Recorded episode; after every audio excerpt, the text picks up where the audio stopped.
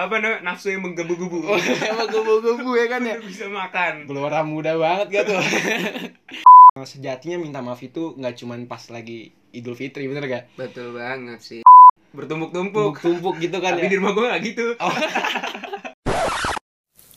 Podcast Masa Muda Bercerita.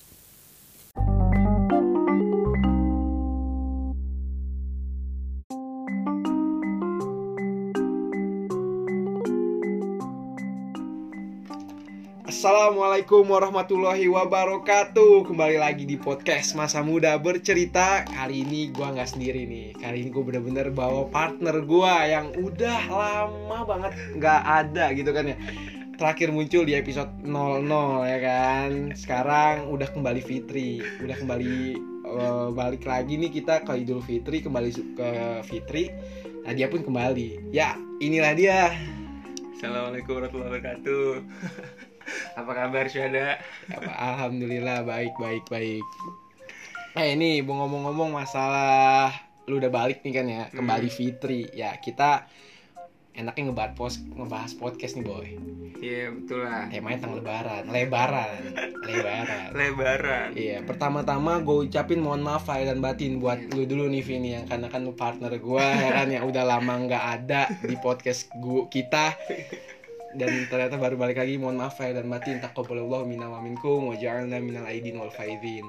Wah iya kum dak. Sama-sama ya dak. Ya yang kedua gue mau ngucapin selamat hari raya Idul Fitri walaupun sekarang udah hari ke-6 tapi nggak masalah nuansa Idul Fitri akan selalu tetap ada karena is- eh, sejatinya minta maaf itu nggak cuman pas lagi Idul Fitri bener gak? betul banget sih. Mm-mm, jadi mohon maaf lahir dan batin buat teman-teman semula saya Noval Syuhada dan teman saya ini Noval Yaf ya, maaf Yafia lahir batin. Mohon maaf lahir batin kalau misalnya ada salah kata ya kan? Salah perbuatan yang nggak berkenan dalam hati. Oke itulah lebaran gitu Hmm. yang akan kita bahas pada kali ini gitu. Lebaran itu kan identik dengan makan-makan ya sih? Makan-makan. Makan biasanya lu kalau misalnya lebaran nih ngapain aja nih?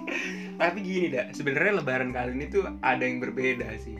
Oke. Ya kan suasananya jauh berbeda. Kita dikasih jarak sama orang-orang sama saudara gitu kan. Mm-mm. jadi kita ya makan-makan tetap kita merayakan tapi merayakannya di rumah masing-masing kan tentunya gitu. Oh ya lu nggak pulang kampung ya? Iya. Kita sih ya nggak pulang kampung. Biasa kita ketemu kan? Oh iya.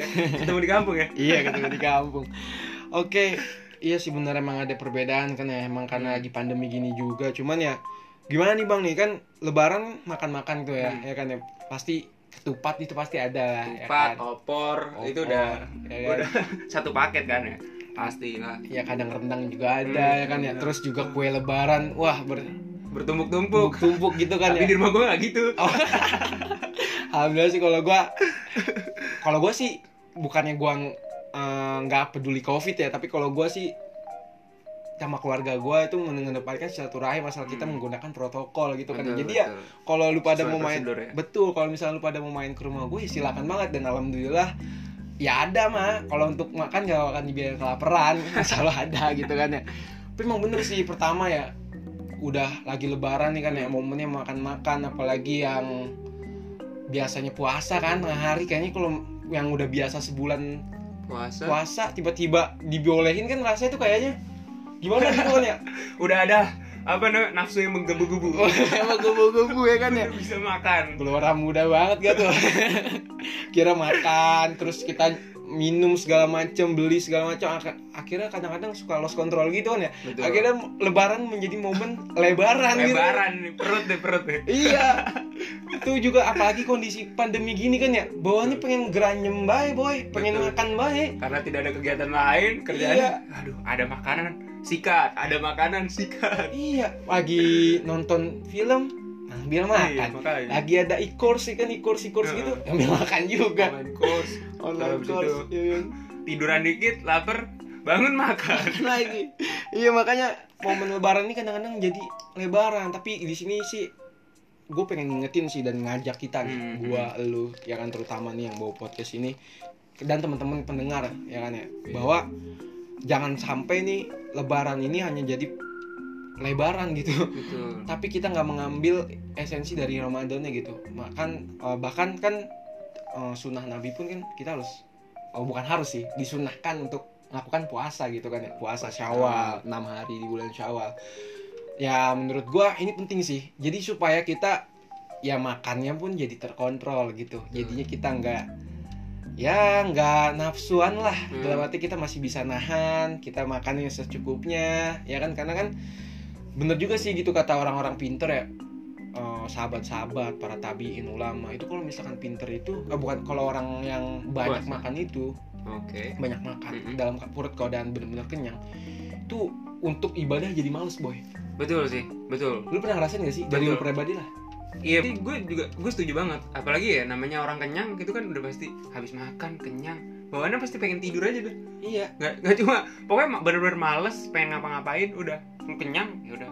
Males ibadah, males ngapa-ngapain ya udah kerjanya kenyang tidur. Makanya orang jadi lebaran biasanya gara-gara mungkin kebanyakan makan. Oh udah males tiduran. Kebanyakan makan males tiduran. Gitu sih. Itu bahaya banget. Kalau kata orang Betawi ya nenek gue sering ngatain gue kalau gue habis makan tidur. Udah kayak ulah kadut lu ya. Kayak ulah kadut gila ulah kadut ya nih ya juga sih ya. Ulah kadut tuh kerjanya kalau makan doang sih makan tidur makan tidur emang kagak berbisa dia emang. Ulah kadut lu cari aja di internet dah. Nenek gue yang sering ngatain gue ulah kadut kalau gue habis makan tidur. Iya. Nah, Sayyidina Umar, ya kan? Umar bin Khattab itu juga pernah bilang, Vi, bukan bukan pernah bilang. Jadi ada waktu itu ada eh, orang ya kan ya, dalam keadaan perut buncit gitu, ditegur sama Umar.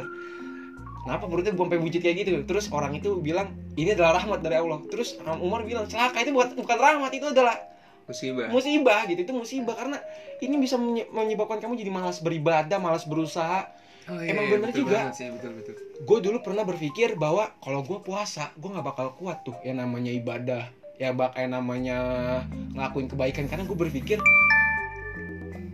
karena gue itu eh pasti capek gitu loh. Jadi kayaknya untuk nggak ada energi gitu loh. Betul. tapi nyatanya lebih yang sering gue rasain eh, real ya gitu ya. Ketika gue kenyang lah yang bener-bener jadi males ibadah. Bener sih gue ngerasain banget sih. Bener-bener contoh nih ya abis buka misalkan gue langsung kenyang gitu. Pas mau sholat taraweh gila loh berat banget bawaannya. Iya iya iya. Betul? Iya, betul betul betul. Gue paksain sholat. Bisa sholat tapi kadang-kadang pas dari sujud mau bangun anjay males bener. Gitu nggak fokus. Kok sujud tuh benar amat ini? Iya makanya sebenarnya ada istilah kan waktu itu bahkan banyak orang yang bilang kalau ini adalah hadis nabi kan kalau berhentilah makan sebelum makanlah ketika lapar berhenti sebelum kenyang. Sebenarnya itu bukan kalau yang gue pelajarin itu bukan perkataan nabi.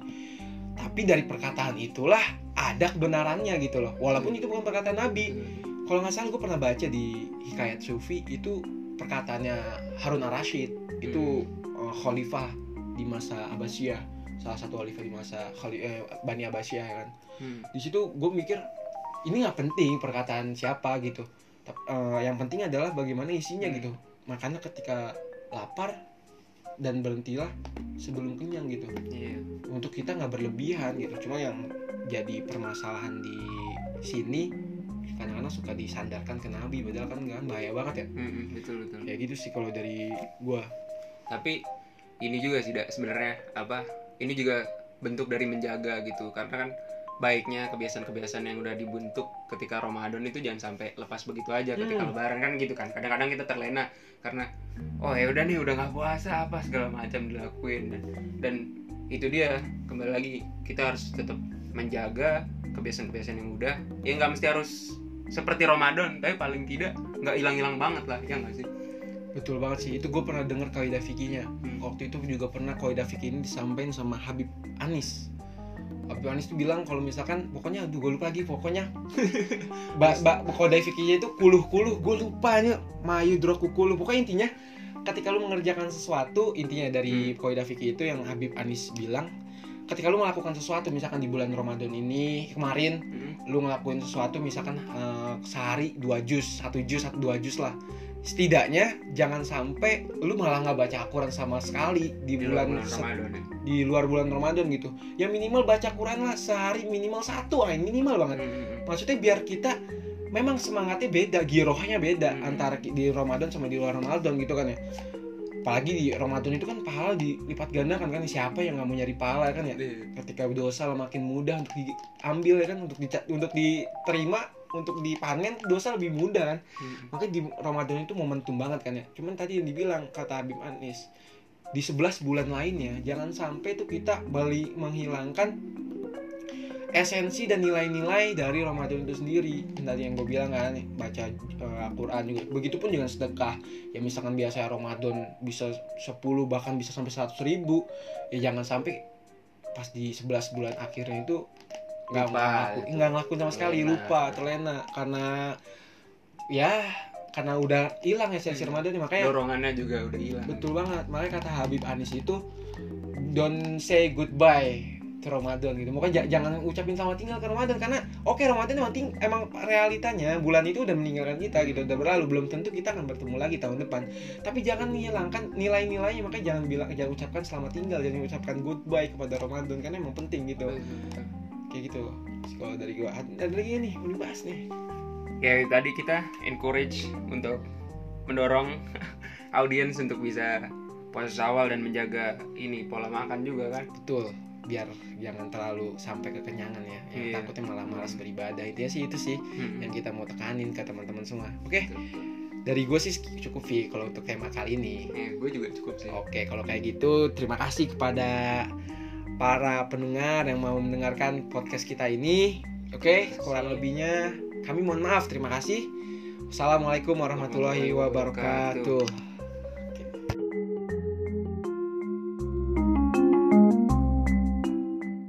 Terima kasih telah mendengarkan podcast Masa Muda Bercerita.